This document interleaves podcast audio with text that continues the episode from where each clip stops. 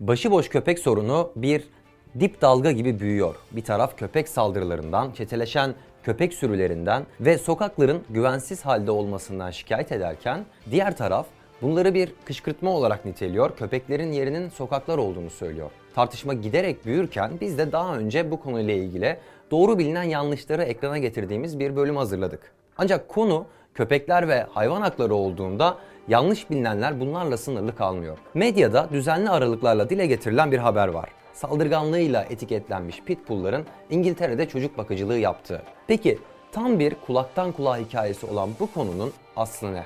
İçeriye geçmeden yalnızca birkaç saniyenizi alacağız. GZT olarak Yaptığımız işi seviyoruz ve çok çalışıyoruz. amacımız da GZT YouTube kanalını 1 milyon aboneye ulaştırmak. Bu da sadece sizin katkınızla mümkün. abone ol butonuna tıklayarak 1 milyon yolculuğumuzda bize destek olabilirsiniz. bir kişiden ne olur demeyin. bizim için çok önemli. Şimdiden teşekkür ediyor. ve hemen içeriye dönüyoruz. başlayalım. Her ne kadar pitbull cinsi köpekler tehlikeli bir tür olarak kabul edilse de durum her zaman böyle değildi. Bir zamanlar dadı ya da bebek bakıcısı olarak hizmet ederlerdi. Bu sözler internette bulunan bir makaleden. Peki gerçekten böyle mi? Pitbullların kökeni son derece kanlı bir hikayeye dayanmakta. 17. yüzyıl İngiltere'sinde bulldoglarla spor adı altında yapılan bir vahşet gösterisine. Boğa yemi denen bu gösteride zincire bağlı bir boğa aynı anda birkaç köpeğin saldırısına uğruyordu. Boğa direnerek köpekleri uzaklaştırmaya çalışıyor, köpeklerse çeteleşerek boğaya saldırıyor ve gösteri boğanın ölümüyle bitiyordu. 1835'te İngiltere'de kan sporları yasaklandı. Bu nedenle yetiştiriciler farelere karşı savaşlarda ve yasa dışı köpek dövüşlerinde kullanmak için bulldogları teriyerlerle çaprazladı. Bu çaprazlama ortaya bugünkü pitbull ve türevlerini çıkardı. Ancak bu tarihsel gerçek pek çok pitbull hayranı için hoş karşılanmıyor. Peki bu geçmişe rağmen Dadı Pitbull anlatısı nereden çıktı? Hikaye 1971 yılında yayınlanan bir New York Times makalesine dayanıyor. Amerikan Bull Terrier Kulübü Başkanı gazeteye verdiği ve zor yoldan gelen bir cins adıyla yayınlanan demeçte Pitbull'lar için hızlı bir aile üyesi, çocukları sever ve genellikle bakıcı köpek olarak anılır ifadesini kullandı. Bu sözler Pitbull'ların bir zamanlar dadı köpek olduğu efsanesinin temelini oluşturuyor. Yıllar geçtikçe kulaktan kulağa aktarılan hikaye gerçek gibi medyada ve blog yazılarında yer almaya başladı. Elbette ki bu gerçeği ortaya koymamız Pitbull'ların benzersiz şekilde tehlikeli ve şiddetli olduğu yönündeki zarar verici efsaneyi onaylayacak şekilde okunmamalı. Gerçekte olan her köpeğin tehlikeli olabilme potansiyeli taşıması ve bunun türden türe çok fark etmemesi. 9 Ekim 2000'de Los Angeles Times'ta bir haber yer aldı. 6 haftalık bir kız aile köpekleri tarafından saldırıya uğradıktan sonra öldü. Bu acı haberi aynı zamanda şaşırtıcı hale getirense köpeğin cinsi. Bebeği parçalayan köpek bir Pomeryan'dı. Evet şirinliği ve sevimliliğiyle meşhur bir Pomeryan. Talihsiz bebeğin babası eve geldiğinde köpeği bebeğe saldırmış halde bulmuş. Hastaneye kaldırılmasına rağmen maalesef kurtarılamamış. Buna rağmen pitbullları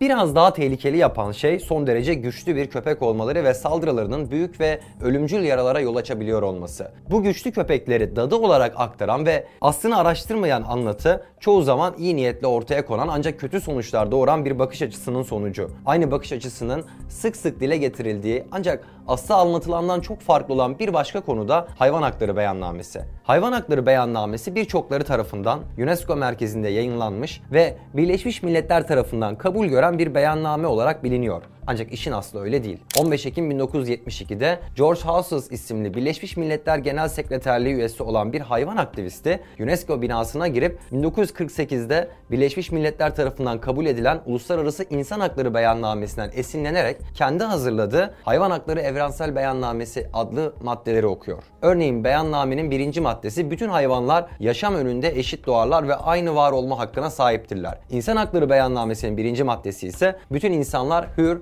haysiyet ve haklar bakımından eşit doğarlar. Daha sonra hazırladığı metne uluslararası bir yankı kazandırmak için 1977'de isminde uluslararası kelimesi içeren Uluslararası Hayvan Hakları Derneği isimli bir dernek kuruyor. Küresel sivil toplum veri tabanındaki kayda göre üyelerinin çoğu istifa ettiği için dernek 1990'da kapatılıyor. Bu üretilme metin sadece UNESCO'da okundu ve ne UNESCO ne de Birleşmiş Milletler tarafından kabul edilmedi. Günümüzde internette hayvan hakları evrensel beyannamesi adıyla dolaşan 14 maddelik üretilme metin 1972'de UNESCO'da George Houses tarafından okunan ilk metnin düzeltilmiş hali. Bu üretilme metnin bazı internet sitelerinde 10 maddelik versiyonu bulunmakta. Bu metin ise Fransa Hayvan Hakları Birliği isimli bir sivil toplum kuruluşunun George House'ın metnini alıp kendine göre düzenleyip yayınladığı başka bir metin. George House'ın ilk metni çıktığı günden beri radikal hayvansever gruplar tarafından dahi kabul edilmiş bir metin değil. Birleşmiş Milletler'in hayvanlarla ilgili halihazırda yayınladığı